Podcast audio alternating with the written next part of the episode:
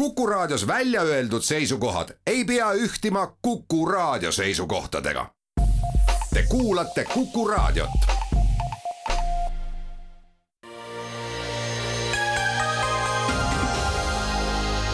poliitikakuru. poliitikakuru. tervist, alustame saatega ja, ja vaatame, kuhu me siis tunni aja pärast välja jõuame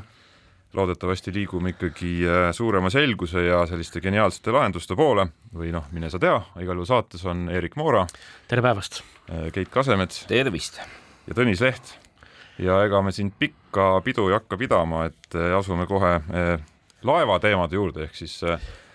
nädalalaev ja nädalalaev on siis selline, mida, mida ei tulnud ja see on LNG ujuvterminal, mis ei tule Paldiskisse, vaid suundub ikkagi Soome ja kirgi ja, ja üksteise süüdistamist on sellel teemal olnud ikka omajagu. Ja, ja noh, seda LNG laeva on ju ka siin kujundlikult ka selliseks energiavalgeks laevaks nimetatud, ehkki ma ütleks, et päris nagu valge laeva ootamisega veel tegu ei ole, et et noh, erinevalt valgest laevast, siis praeguse info järgi see LNG terminal ikkagi peaks kohale jõudma, tõsi siis ta on siis Balticconnectori teises otsas Soomes, aga aga Eerik, mis sinu hinnang on, et mida see ütleme nüüd majja saabunud selgus, et äh, ujuvterminal läheb Soome, et mida see, äh, mida see tähendab Eesti energiajulgeoleku jaoks? alustame kohe heade sõnumitega, et meie saatest kindlasti te kuulete, kuulete hinnangut, äh, mida võib-olla teistest nädalavahetuse jutusaadetest ei kuule. Ähm, ja seda sellel põhjusel, et tegelikult käimasolev kisa selle gaasilaeva pärast on silmakirjalik ja valdav enamus selle nagu avalikke esitajaid ja, ja sellel teemal kirgede kütjaid, valdav enamus hirmutab avalikkust nagu sihilikult ja teadlikult, et nad äh, mitmes mõttes ajavad jama. aga nüüd äh, tulles tagasi sinu selle al algolukorra kirjelduse juurde, siis äh, äh, lihtsalt selguse või lihtsuse huvides, et mida see laeva paiknemine Soomes nagu tähendab või ei tähenda, äh, me jõuame sellest siin nagu pikemalt rääkida, aga ütlen kõige lihtsamalt et olukord, kus laev on Eestis või oleks laev Eestis, tähendaks seda, et Soomes on gaasi äh, päris rängalt puudu ja Soome oleks süda, sügavas hädas. olukord ähm,, kus laev on Soomes, tähendab seda, et äh, gaasi jagub nii Soomele kui Eestile ähm,. ja la-, jõuame ka selleni, et, et näha, et teda jagub selles mõttes ka nagu küll, külluses või kuhjaga ja nii edasi ja siis nagu ongi küsimus, et kuhu sellises olukorras siis Soome omaenda tellitud äh, viiesaja miljoni euro eest, äh, kordan, viiesaja miljoni euro eest renditud laeva äh, siis nagu viib või kumbasse on see mõistlik viia. et, et, et on täiesti selge, et see laev pidi Soome jõudma, ka algne kokkulepe oli selline, et ainult selleks perioodiks, mis Eestis on kai valmis ja Soomes ei ole kai valmis, on ta Eestis aga tänaseks on ju selgunud, et see, et see äh, periood on paar nädalat maksimaalselt ja see tähendab seda, et äh, tegelikult see, et laev läheb Soome, on olnud äh, faktiliselt selge tükk aega. aga Keit, pärast seda Eeriku kirjeldust, et mida me siis, kas, kas ja mida me üldse sellega seoses nii-öelda kaotanud oleme, et, et meie pool ei, ei ole ei seda laeva, mille Soome tellis, ega ka siis Eesti riigi või ettevõtjate poolt tellitud noh, teist laeva minu arvates see Eesti diskussioon on äh,, on läinud kuidagi hästi nüüd äh, selle keskseks, et äh, no kus see laev siis äh, täpselt tuleb ja, ja, ja tundub ka, et on niisugune, ütleme, meelsus on kujunenud nagu selliseks, et noh, kui nüüd seda laeva ei tule, et, et siis tekib mingisugune hästi suur probleem. et võib-olla siin seda pilti noh, tasuks tasuks tõmmata veidi laiemaks, et äh, et noh, loomulikult gaasi kättesaadavusega üle Euroopa ikkagi tegelikult on äh, suur probleem, et miks neid LNG terminale ju praegu igal pool ehitatakse, eks ju, mitte ainult Eestis ja, ja ja, ja Soomes, vaid Saksamaal ja kõikides siis äh, teistes Euroopa riikides, kus neid on puudu, on ikkagi selle tõttu, et, äh, et Euroopa on olnud väga sõltuv Vene gaasist. Ja kui nüüd numbreid kokku lüüa, et siis me, siis me näeme seda, et ähm, et noh, umbes sellest saja viiekümnest miljardist kuupmeetrist, mida Euroopa siis igal aastal Vene gaasi tarbib, et umbes kaks kolmandikku on võimalik mingisuguste erinevate sammudega noh, nagu asendada, et nagu Eestis, et, et, et, et kütame näiteks põlevkiviõliga gaasi gaasi asemel, aga siis üks kolmandik jääb nüüd puudu. Ja, ja siis kõik on hästi mures, eks, et kust see gaas tuleb ja mis on siis see gaasi kättesaadavus, et miks ma selle pika jutu siia rääkisin, et Eestis tegelikult see olukord on nagu natukene teistsugune, et esiteks selle tõttu, et erinevalt enamusest Euroopa riikidest, et kus siis, kus siis väga palju sõltutakse gaasist nii kütmisel kui ka elektri tootmisel, eks ju, Lätis-Leedus on eh, gaasielektrijaamad, Soomes on gaasielektrijaamad, küttes kasutatakse seda väga palju, et siis Eestis gaasielektrijaamu ei ole, meil on põlevkivi, eh, mis, eh, mis paljuski selle rolli ära täidab ja ka küttes. Tegelikult gaasi osakaal on ju väga palju vähenenud, et ütleme, kui kakskümmend aastat tagasi umbes kuuskümmend protsenti küttest oli, oli gaasipõhine, siis praegu võib-olla kuskil kakskümmend protsenti ja ja, ja ka sellel aastal veel gaasi tarbimine on väga palju vähenenud, nii et noh, tegelikult see noh, see probleem, millest me nagu räägime Eestis on kindlasti ongi ja selles mõttes on, on siin poliitikutel õigus, eks ju, Kaja Kallasel ja, ja Riina Sikkutil, kes, kes ütlevad, et see Soome probleem on palju suurem, Eesti probleem ongi selles mõttes palju väiksem, et meil on gaasi tarbimine vähenenud, see on nagu nii väike ja, ja ja see on äh, noh, ütleme meie see probleem kindlasti on nagu väiksem. No, tõi... ma, ma, korra ütlen veel siiasamasse juurde ka veel, veel paar nagu sellist numbrit või, või, või tausta, mis on siis ähm, see, et, ähm, et äh, Eesti, ühesõnaga, miks Soome probleem on suurem, esiteks nende tarbimine on suurem, et ajalooliselt on see olnud selline seal kakskümmend viis teravatt-tundi äh, aastas laias laastus ja nende allikaid peale siis selle Vene gaasi suurt äh, polegi olnud ja LNG laevade Nende probleem on sarnane nagu sakslastel, eks ju, et nad on ikkagi väga palju sõltunud Vene gaasist ja, ja teinud selle teadliku valiku, et see on hea odav äh, energiaallikas ja seda nemad kasutavad, eks ju, jah. ja Eesti kogus on siis seal võrdluseks suurusjärgu arusaamiseks kõrval on, on aastane kogus on siis kolm koma viis teravatt-tundi sellel aastal, nüüd olles oluliselt vähenenud võrreldes eelmise aastaga ja eelmiste aastatega. ja ja lihtsalt äh, Balticconnectorist ehk sellest Eesti ja Soome vahelisest gaasijuhtmest äh, mahub see kogus äh, nagu lahedalt läbi, aga Soomele vajaminev kogus tiputundidel sealt läbi ei mahu, et selles on see suur Soome häda, et neil kuskilt mujalt siis seda gaasi ei tuleks ja, ja sellest ka ei piisaks. Ja juhul nüüd, kui me räägime kogu aeg sellest variandist, et me eeldame siin, et Balticconnectorist tuleb midagi, aga praeguses sõjalises olukorras ja, ja, ja ja kriitilises olukorras võib juhtuda, et Balticconnectorist ei tule midagi või ei pannakse kinni näiteks poliitilistel põhjustel, siis ka sel juhul Eesti gaasi ähm, olukord on äh,, on kirjeldamatult parem Soome omast, sest meil on olemas juba praegu meile kuuluvad varud Läti hoidlas, meil on endal arvestatavad varud äh, ka siin Eestis, Eestis, meil on olemas kokkulepped saada ka Leedust ähm, äh, gaasi äh, ja, ja see tähendabki sisuliselt seda, et isegi juhul, kui Soomest ja sealt Balticconnectorist meile midagi ei tule, siis Eesti ikkagi äh, ilma gaasita ei jää. ja noh, selgelt neid riske, mis Eestis suure gaasinappuse võiks tekitada, neid peab kuhjuma siis mitu tükki korraga ja noh, tõenäoliselt see eeldaks ka idanaabri sellist vaenulikku tegevust ja väga külma talve ja nii edasi probleeme meil võib olla elektrisüsteemi toimimises. aga kui siia sisse lülitada ka siis veel poliitiline mõõde, siis äh, minu diagnoos oleks, et jah, see praegune kära just poliitikute omavahelises vaidluses ja üksteise süüdistamises on kah loomulik protsess, valimised lähenevad. Äh, Riina Sikkuti suunas tehtav, äh, siis minister Sikkuti suunas tehtav umbusaldusavaldus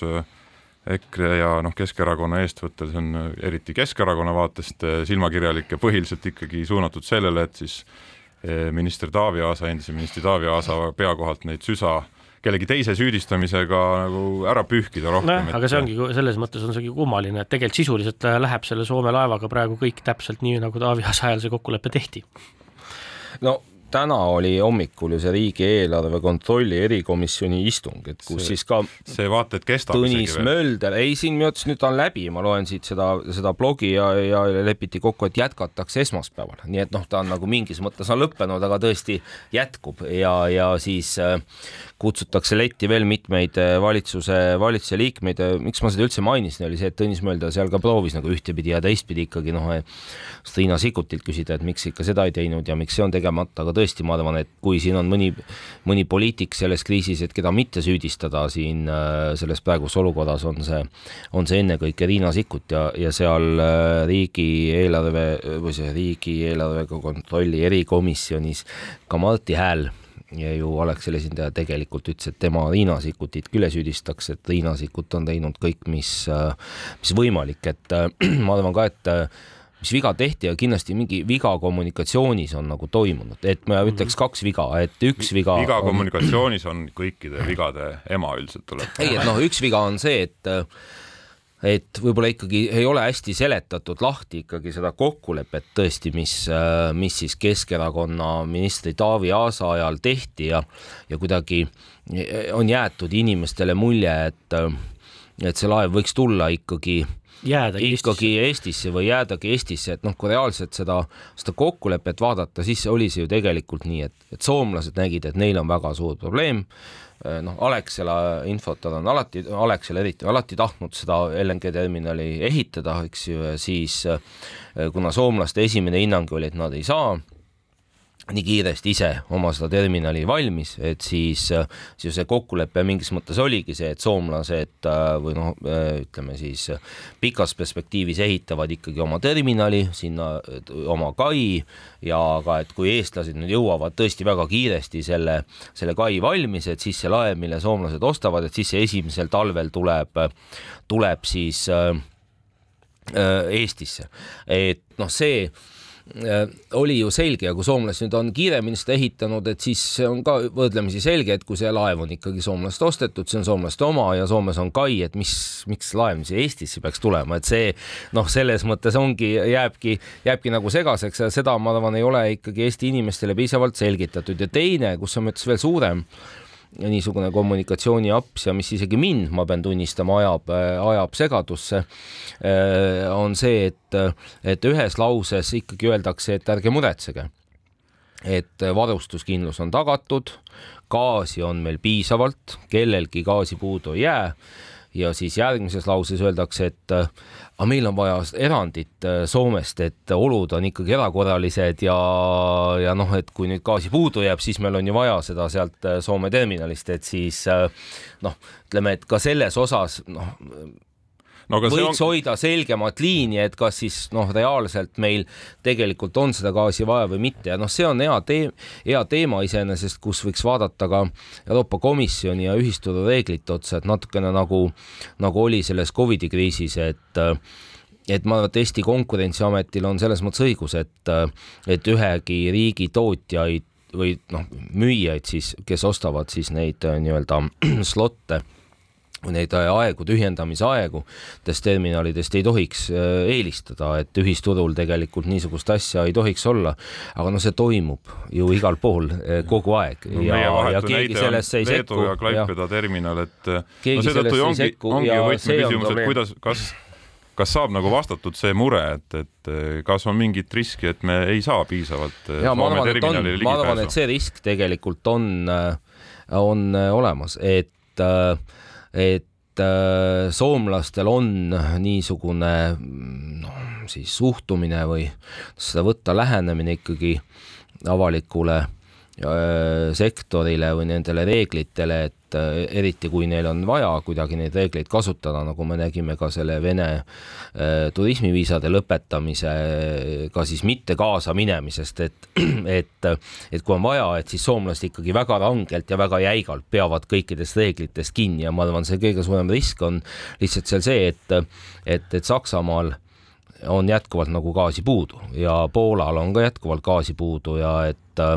et me ei räägi mitte ainult sellest meie piirkonnast, aga et lihtsalt siis äh, sakslased ja poolakad ostavad need äh, tühjendusajad ennekõike sealt äh, Soome terminalist ära, jah. teeme väikse pausi.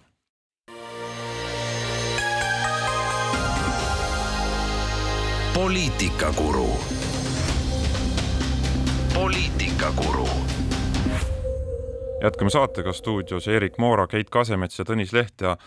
senise saate oleme me seilanud LNG eh, lainetel ja pisut sellega veel jätkame. üks eh, nüüd ka omajagu kriitikat eh, saanud ja saav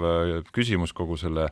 laeva paiknemise osas on ju ka see, et kui laev läheb, siis LNG ujuvterminal läheb Soome, et mis jaoks meil ometi siis maailmarekordilise tempoga äh, üle neljakümne miljonilise kuluga on ehitatud siis laeva vastuvõtmise võimekus Paldiskisse, et kas see on nagu täiesti raisatud raha ja, ja kes pagan selle nüüd ometi kinni maksab ja kes peaks selle eest tagasi astuma või edasi astuma? no kui me lähtume sellest, äh, esiteks, mis olukorras see otsus tehti, oli olukord oli see, et oli pigem tõenäoline, et soomlased oma kaid valmis ei saa, järelikult oli see kai hädavajalik tol hetkel, teiseks on ju endiselt on õhus variant, et keegi võib ähm, keerata Eesti-Soome gaasitoru aia taha või tuksi äh, ja nii edasi, siis sellisel juhul on, võib ühel hetkel olla seda seda väga vaja, võib-olla tekib sellel ta talvel tõesti niisugune müstiline olukord, et ähm, Eesti läheb Soome ja Lätiga mingil moel sedavõrd tülli, et, et äh, nad teatavad, et üle nende piiri Eestisse kunagi ühtegi gaasi ei liigu ja nii edasi, siis on meil olemas potentsiaal, koht, kuhu, kuhu oma laevake panna. Äh, laevake ütlesin ma meelega just sellepärast, et, äh, et üks kummaline asi on, mis on kogu selles asjas nagu läbi käimata, et see Soome tulev laev on, on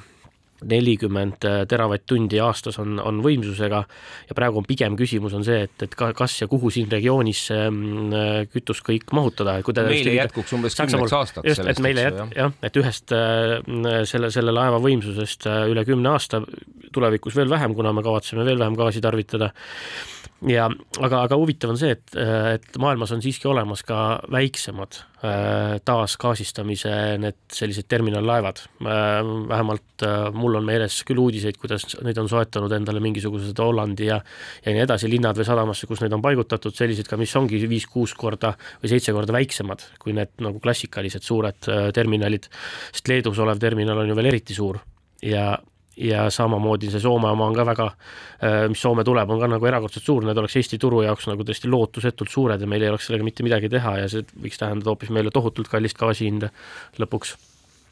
aga, aga, aga nende väiksemate toomine, toomise võimalus on, äh, võib-olla see on ajamahukam või võtab rohkem aega, aga, aga see Paldiski kai annab selleks võimaluse no jälle mina lugesin siis seda riigieelarve kontrolli erikomisjoni äh, ülevaadet ja, ja seal ka siis jällegi Tõnis Mölder ikkagi ühte või teistpidi proovis uurida äh, uurida siis erinevatelt asjaosalistelt, et noh, kui te juba suvel ikkagi kuidagi teadsite, et,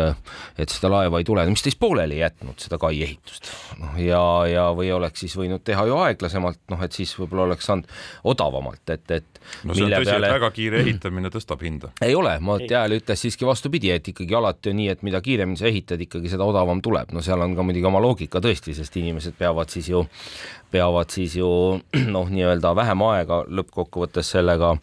sellega tegelema, aga noh, ma arvan, see küsimuse püstitus ei ole jah, selles mõttes äh, äh mõistlik ega loogiline, et, et äh, ka seda kaid ikkagi ei olekski olnud mõtet ehitada ju üheks aastaks, et siis oleks ikkagi Eesti gaasi tarbimise mahtude juures olnud ilmselgelt täiesti ebaproportsionaalne äh, kulutus, et mingis mõttes on ta ju nagu ühtepidi Eesti jaoks ma arvan, ta on nagu niisugune nagu garantii, et äh, et kui tõesti nagu e-, Eerik seletas, et kui tõesti mingid kõik asjaolud langevad kokku, et ehk on siis võimalik seda mingi laev tuua, aga teine pool on ikkagi see, et ma arvan, see siiski annab päris suure võimaluse noh, nii-öelda ka ka erasektoril või era- ja riigisektoril siis äh,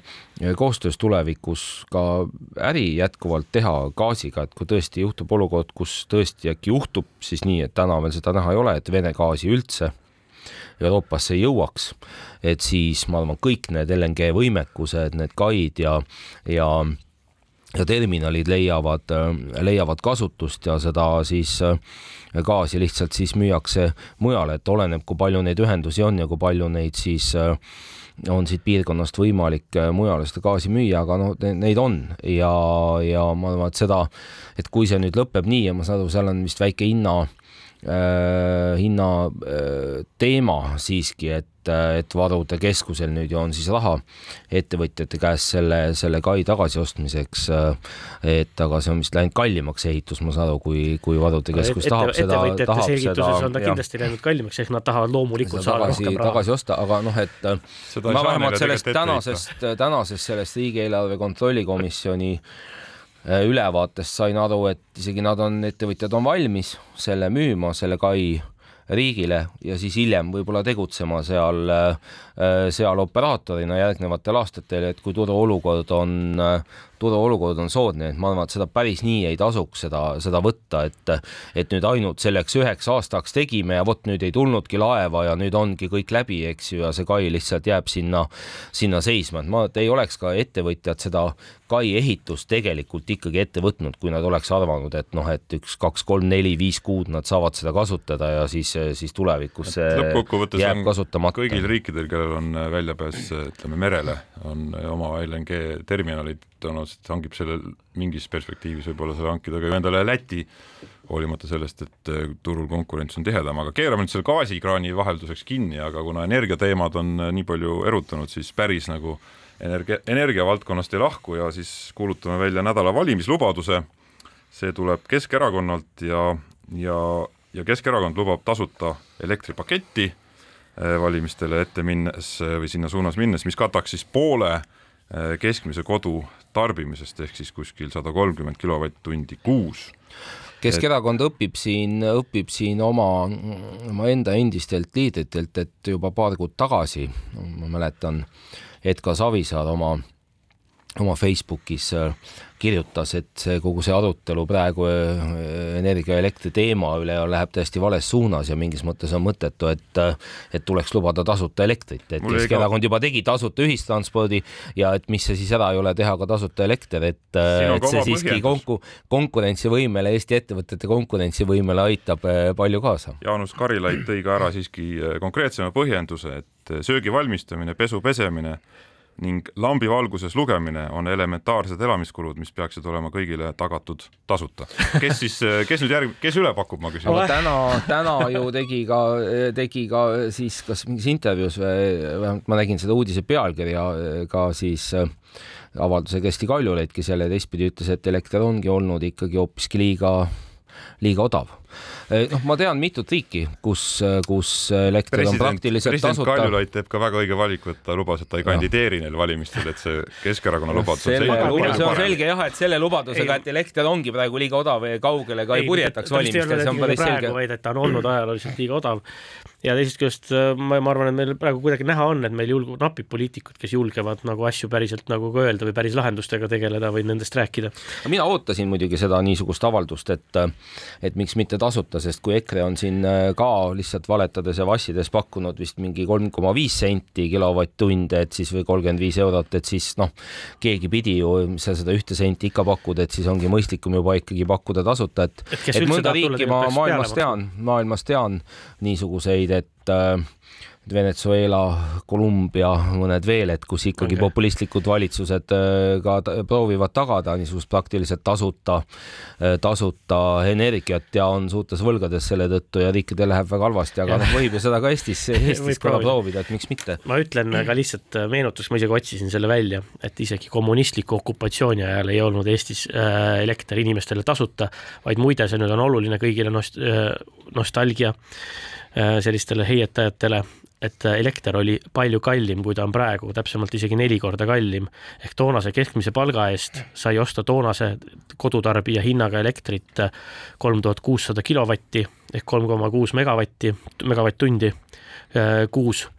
ja praegu hetkel saab keskmise palga eest osta kaksteist tuhat viissada kilovatt-tundi selle praeguse hetke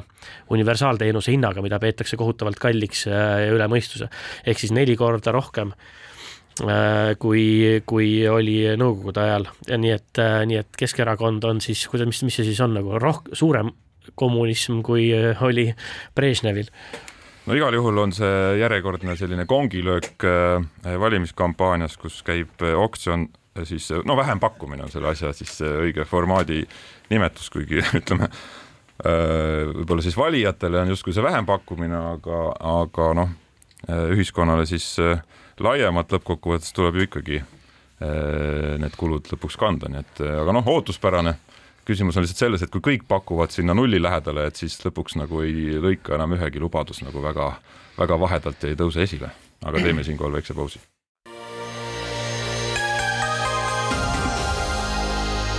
Poliitikakuru. poliitikakuru jätkame saatega stuudios Erik Moora, Keit Kasemets ja Tõnis Leht. riigikogul on plaan kuulutada Venemaa terroristlikuks riigiks, teha vastav avaldus ja ja selle avalduse siis koostamine ja sellele nii-öelda algatamise allkirjade kogumine on sel nädalal käinud, kaheksakümmend viis Riigikogu liiget sellele esimese hooga oma käe alla panid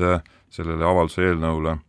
Äh, enamik EKRE saadikuid äh, algat-, algatust oma nii-öelda allkirjaga algselt ei toetanud ja see tek-, on tekitanud ka päris omajagu vastukaja ja kriitikat ja, ja küsimusi EKRE positsiooni osas äh, kogu sellel Venemaa agressiooni teemal ja EKRE enda juhid muidugi tõttasid kiiresti kriitikat kummutama ja nemad on käinud välja siis Martin Helme ja ka teiste suu läbi terve peotäie täiendusi, mida siis tuleks teha, et see avaldus äh, muutuks äh, nii-öelda lõplikul kujul äh, sisuliselt kaalukamaks ja ei oleks lihtsalt selline järjekordne sõnakõlks, et äh, aga e-, Eerik, kui sinust alustada, et miks e-, EKRE praegu siit ja sealt päris palju kriitikat saab ja kas see on teenitud? noh, kuidagi nagu kõige lihtsamalt seda öeldes, siis võib vist nii öelda, et, et on üsna selge praeguseks, et EKRE on tegelikult Eesti ainus vasta, ainus Ukraina vastane partei. sisuliselt. Ja, ja see, see praegune see nagu selle asja silumine või see, et justkui me tahtsime rohkem teha või tuleks midagi rohkem teha, oli niisugune, mm, mõnes mõttes on see selline retooriline võte, et sellest välja tulla, sellest olukorrast, aga noh, tegelikult fakt on see, et nad ei toetanud algselt äh, Venemaa terroristlikuks liigi, riigiks kuulutamist, Läti on seda teinud, on ju, isegi Euroopa Nõukogu Parlamentaarne Assamblee ju äh, tegi seda just äsja. Äh,, EKRE on kogu aeg ju nädalate viisi pisendanud äh, nagu raevukal toonil äh, Kremli äh, selle nagu energiapigistuse mõju, mis on tegelikult viinud gaasihinnad ja sealtkaudu ka elektrihinnad üle kogu Euroopa äh, väga kalliks äh,, nagu pisendama, pisendama siis ka sõja mõju äh,. EKRE räägib väga sageli ja nüüd ka viimati äh, praktiliselt sünkroonis nagu selliseid Vene propa-, propaganda jutupunkte võimendab, täpselt kui hakati rääkima suurest äh, pealetungist äh, kui räägiti sellest, kuidas Venemaa taktikaliselt targalt taandus, et mingit Ukraina pealetungi faktiliselt polnud, vaid oli oli mm, Venemaa, nagu Mart Helme ütles Riigikogu saalis, väike aikido, et petsid ära, tõmbasid mõnuga kõrvale ja kaotusi ei kandnud, samal ajal kui Ukraina kandis tohutuid kaotusi. ja, nii edasi. EKRE ründab paljude erinevate oma suude kaudu pidevalt Ukraina põgenikke, seab neid, keda me siin aitame, seab neid, nende aitamist kahtluse alla uh, ta püüa, õhutab taga sedasama paanikat selle gaasi osas, just see on sellepärast ka oluline, et just sel nädalal äh, just Vene nii-öelda propagandakanalites hakati väga jõuliselt sedasama juttu rääkima, ähm, selle kohta, kuidas ikka ja pakkuma äh, Euroopale uuesti Nord Stream kahe avamist, äh, kuna üks toru on veel kasutuskõlbulik neist neljast, et sealtkaudu võiks hakata kohe siis ähm, Euroopale gaasi pakkuma ja nii edasi, selline foon on natukene sarnane ja üks selle nädala selliseid jälle olulisi sündmusi on, et väga raevukalt on nad siis ka rünnanud Kaitseväe juhatajat Martin Heremit, öeldes, et nad kindlasti võtavad ka ta maha, kui nad valitsusse peaksid saama, olukorras, kus Martin Herem on kindlasti olnud nagu selle Ukraina vastase Eesti sellise nagu kõige kiirema tegevuse, tegutsemise ja nii edasi, üks selliseid äh, käilakujusid ja selge nagu ähm, liider äh, selles osas ja nii edasi, et see on, see on see hoiak on, on selline, et, et Ukrainat ei peaks äh, nagu aitama ja, ja või, või kuidagi äh, seda, see soov on seda tähelepanu keskmest välja juhtida. no tähele, ma, ma, soov on ma..., soov on ka viia seda tähelepanu sinna, et, et äh, põgenikud, Ukraina põgenikud äh, on muuhulgas siiski ka suur koorem, noh vaieldamatult, ega Eesti riigil ongi, ega see ei olegi kerge neid siin majutada ja vastu võtta, aga et see on nii koorem äh, julgeolekuoht kui ka oht meie rahvuslikule siis püsimisele, kuna slaavi rahvusest inimesi või taustaga inimesi tuleb Eestisse lihtsalt nii palju, et et jah, seda muuta, seda põgenike aitamist ka äh, kuidagi äh, mitte noh, mitte õigeks tegevuseks, mille üle uhkust tunda, ja teisest, teisest küljest, nagu sa ka viitsid, siis Kaitseväe juhataja selline noh, Martin Helme poolne pidev asjatundmatu ja alusetu äh, siis torkimine ja, ja valeväidete esitamine ja mulje jätmine, et Eesti on, on ka Ukraina abistamisel nii-öelda astunud võib-olla üle oma võimete piiri, mingil hetkel andnud ära kogu oma laskemoona ja nii edasi, et sellised äh, valeväiteid, mida ka Martin Herem on järjepidevalt kummutanud, et see, see on selline fooni ehitamine olnud, et seesama nüüd selle nädala väide, et Kaitseväe juhataja tuleks kiiresti maha võtta, kui Riigikogu valimised toimunud ja mõistlikum valitsus pukis, et, et see, see ei ole ka mingi uus mõte, et see on selline pikem foon. Oi no jääb üle ainult nõustuda kõikide nende teie mõtetega ja lihtsalt võib-olla selle siis rõhutan üle, et nagu mida Eerik ütles, et et eks nagu selle terroristlikuks riigiks nimetamisega mitte kaasa minemine, noh põhjustel, et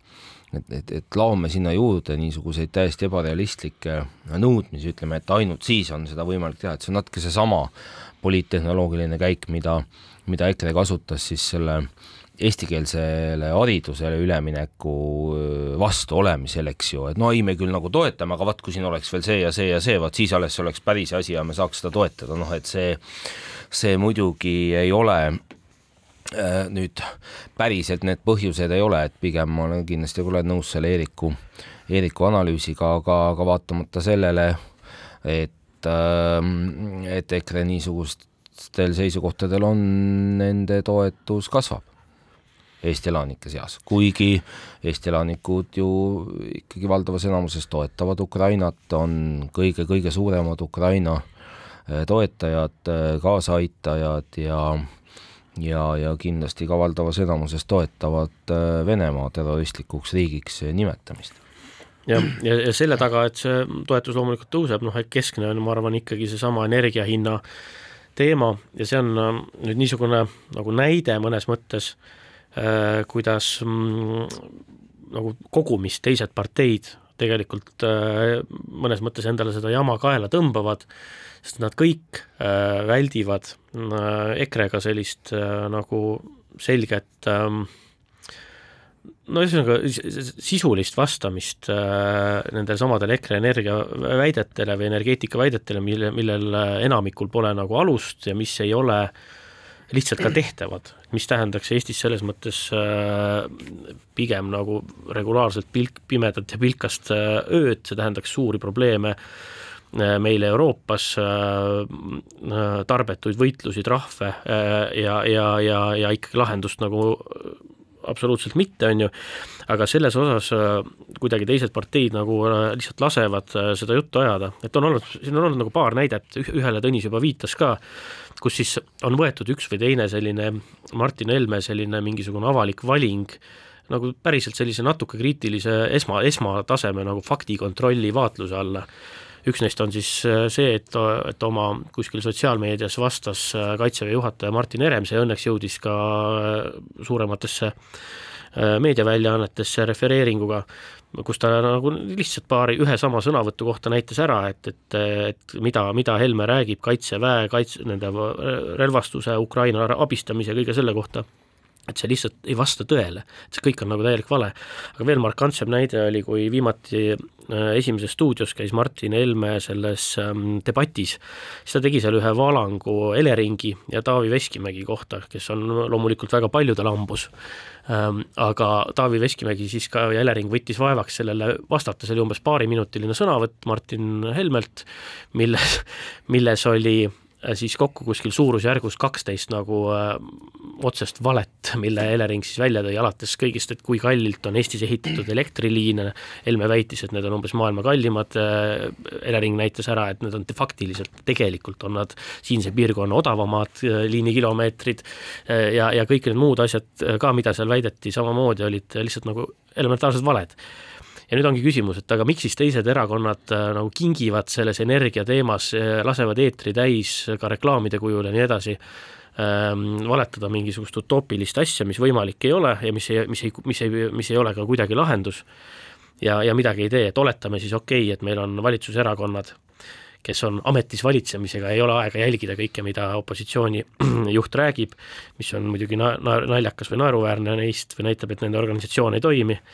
teine asi on see, et meil on teised opositsioonierakonnad, kes siis on, peavad tantsusaates kangesti tantsima. ja pakkuma üle selles ei ole vaja ja siis otsima võimalusi, kuidas, kuidas teevad pigem nagu vale järelduse, et aeg on üle pakkuda äh, selle meeletusi, nii edasi. aga näiteks isegi parlamendi, parlamendiväline ja kahjuks suuresti nähtamatu sellel nädalavahetusel oma esimeest valiv Eesti kakssada, kas või nemad võiksid, kui nad on olnud sellised pikema plaani, sisuliste lahenduste jutuga erakonnad, siis mina ootaks pigem, ma näeks seda, et nad äh, päriselt räägiks sellest, mis on tehtav, mitte ei astuks ka samale paadile, et asuda avalikult lihtsalt sõimama Riina Sikkutit, millest me juba enne rääkisime siin. et et, et äh, laias laastus on see teiste erakondade tegemata töö, et, et saabki arvata, et osa sellest jutust on nagu adekvaatne. nii et Eerik, sinu soovitus on nüüd, et kui toimub see EKRE meeleavaldus, see on homme või? pühapäeval. pühapäeval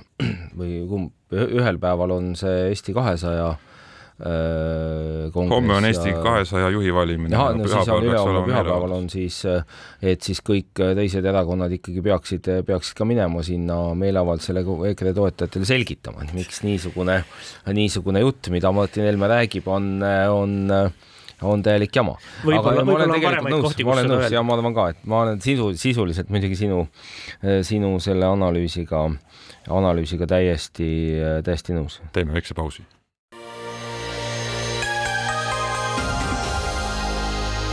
poliitikakuru. poliitikakuru. jätkame saatega stuudios Keit Kasemets, Eerik Moora ja Tõnis Leht ja erakondade reitingu eh, Eesti kahesaja juhi valimiste ja, ja noh, EKRE tõusu juures me olime eelmise saateosa lõpus. Eh, tõepoolest, EKRE toetus on tõusnud, Reformierakonna toetus eh, langenud, need on omavahel nii-öelda lähenenud päris hoogsalt kui vaadata nüüd äh, Norstati küsitlusi, mis on jah, kõige tihedama sammuga võrreldes teistega, siis äh, seal on seda ka saatnud üks äh, tendents alates siis augustikuust, kui, kui need muutused EKRE ja Reformierakonna toetuses toimuma hakkasid, et ühtlasi on ka päris hoogsalt kasvanud eelistuseta valijate hulk. ehk et noh, Reformierakonna toetajad on pigem siis liikunud eelistuseta valijate hulka ja, ja langenud on ka kõigi teiste erakondade, välja arvatud EKRE, siis toetajate hulk nii-öelda absoluutarvudes. et siis selle arvelt on tulnud ka eelistuseta valijaid juurde, ainsana on pisut kasvanud EKRE toetajate hulk, aga nende toetus absoluutnumbrites on ka olnud varem suurem kui, kui nüüd hetkel. ja suhtelisel skaalal ehk siis reitingu numbrites, kus need eelistuseta valijad on välja võetud, see tähendab siis seda, et EKRE toetus on kasvanud kiiresti ja Reformierakonna toetus noh, on langenud võib-olla natuke isegi aeglasemalt, kui, äh, kui võiks arvata sellest toetuse langusest absoluutnumbrites, aga, aga põhimõtteliselt see tähendab seda, et meil ei ole veel EKRE toetuses nii järsku sellist ko äh, kosmilist hüpet tingimata ja, ja ja võimalik, et ka sellel nii-öelda Mart Helme sõnavõttudel ja kõigel sellel, mis on nüüd viimastel nädalatel toimunud, noh, seal võib olla ka selle nii-öelda lae etteseadmise mõju aga meil on ka Eesti kahesajal tulekul äh, juhi valimised äh, siis äh, homme, et kolm kandidaati on ennast üles seadnud senine juht Kristjan Kallas, siis Lauri Hussar, kes kõige tuntum on olnud poliitiliselt nüüd üsna eduka tegevusega Viimsi vallas ja, ja siis kolmandana Eesti kahesaja noorteühenduse juht Hendrik Terras, et samas Äh, selle ettevõtmise eesmärk, ma kujutan ette, Eesti kahesaja jaoks on nii sisuline juhi valimine, aga ka kampaania, millega siis mobiliseerida oma liikmeid ja ka leida uusi toetajaid väljaspoolt, et kui palju see Eesti kakssada nagu silma on suutnud paista selle protsessiga ja kui päris need valimised on? seal on kummaline, on see, et kui tavaliselt kehtib just selline reegel, et kui valimised on päris, äh, siis on äh, avalikkuse huvi päris suur, ehk siis kui, kui teisel kui seal on kas või mingisugune šanss, et, et, et need valimised päriselt midagi äh, mõjutavad või muudavad, aga antud juhul ei ole see küll niimoodi töötanud, ehk siis tegelikult äh, ma arvan, et väga paljudele ka poliitikast aktiivselt huvituvatele võib tulla lausa üllatusena, et, et see valimised nüüd sel nädalavahetusel toimuvad ja et, et seal tegelikult on ka päriselt äh, nagu lahtine, kumb saab, sest mina näiteks küll seda ennustada ei julge, kumb saab. oot, oot, ma enne vaht... lugesin kolm kandidaati. no kas Kallas ma... või Hussar ikkagi? jah, jah, et ärme vist seda Hendrik Terrast veel äh, ennetähtaegselt esimeheks äh, kuulutame, tema aeg võib-olla kunagi tuleb. teda aktiivsuse eest kiidetakse erakonna sees, aga, aga kas äh, võib-olla nagu asi või nagu see aspekt kuidagi on, on, on selles, et, et äh, inimeste jaoks, kes otsivad omale poliitilist väljundit, toet-, keda toetada või mitte, isegi nende jaoks ei ole väga suurt vahet, kas võidab Hussar või Kallas, ma arvan, võib-olla see on üks põhjuseid, miks miks ei ole see, äh, seda suurt sellist tähelepanu pälvinud? jah, võib-olla see suur äh,, suur erinevus, ma ei tea, Isamaa juhi valimistest, et kus no ütleme, ärme võta isegi seda Lavly Perlingu ja, ja, ja siis äh,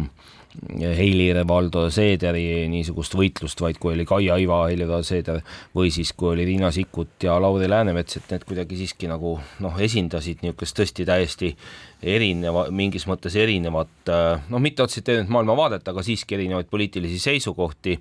ja, ja ühte või teistpidi siis mingit muutust muutust erakonnas, et ma ei tea, kas me niimoodi saame öelda, et ütleme, Lauri Hussar on Eesti kahesaja Lauri Läänemets.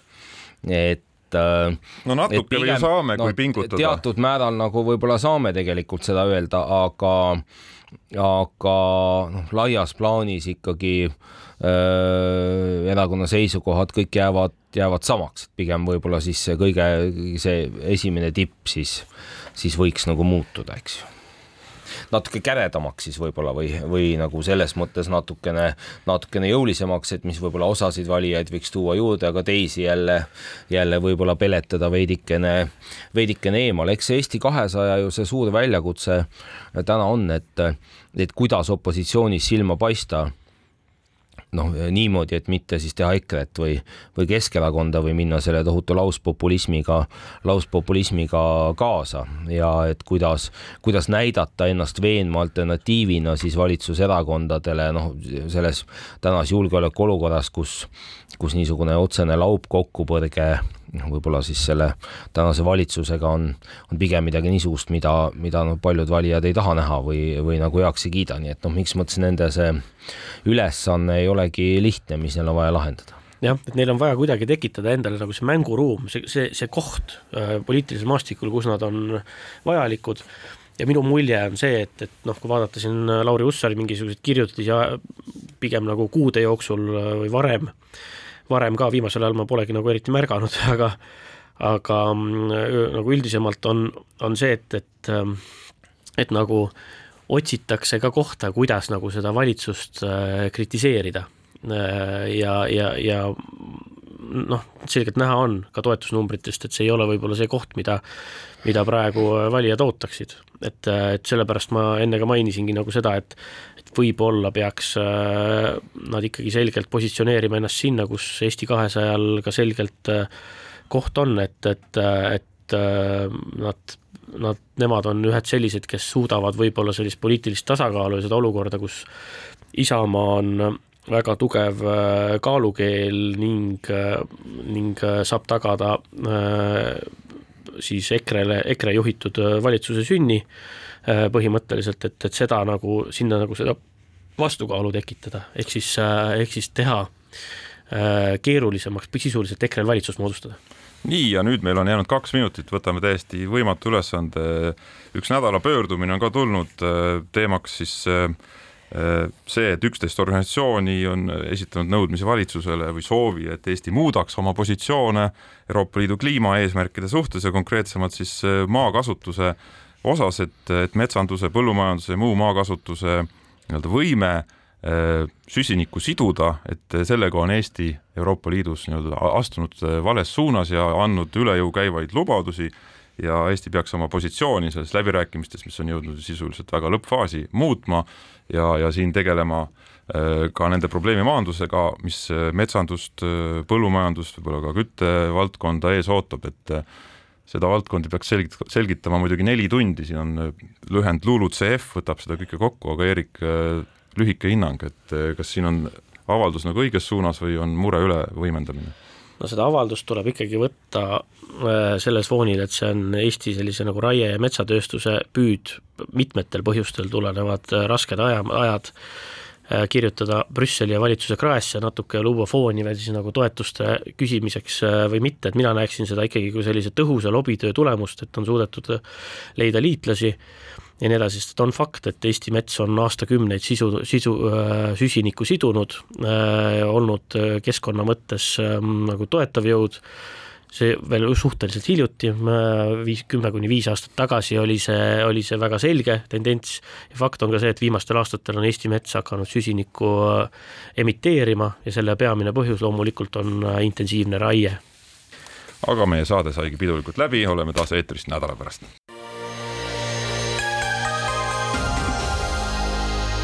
Poliitikakuru poliitikakuru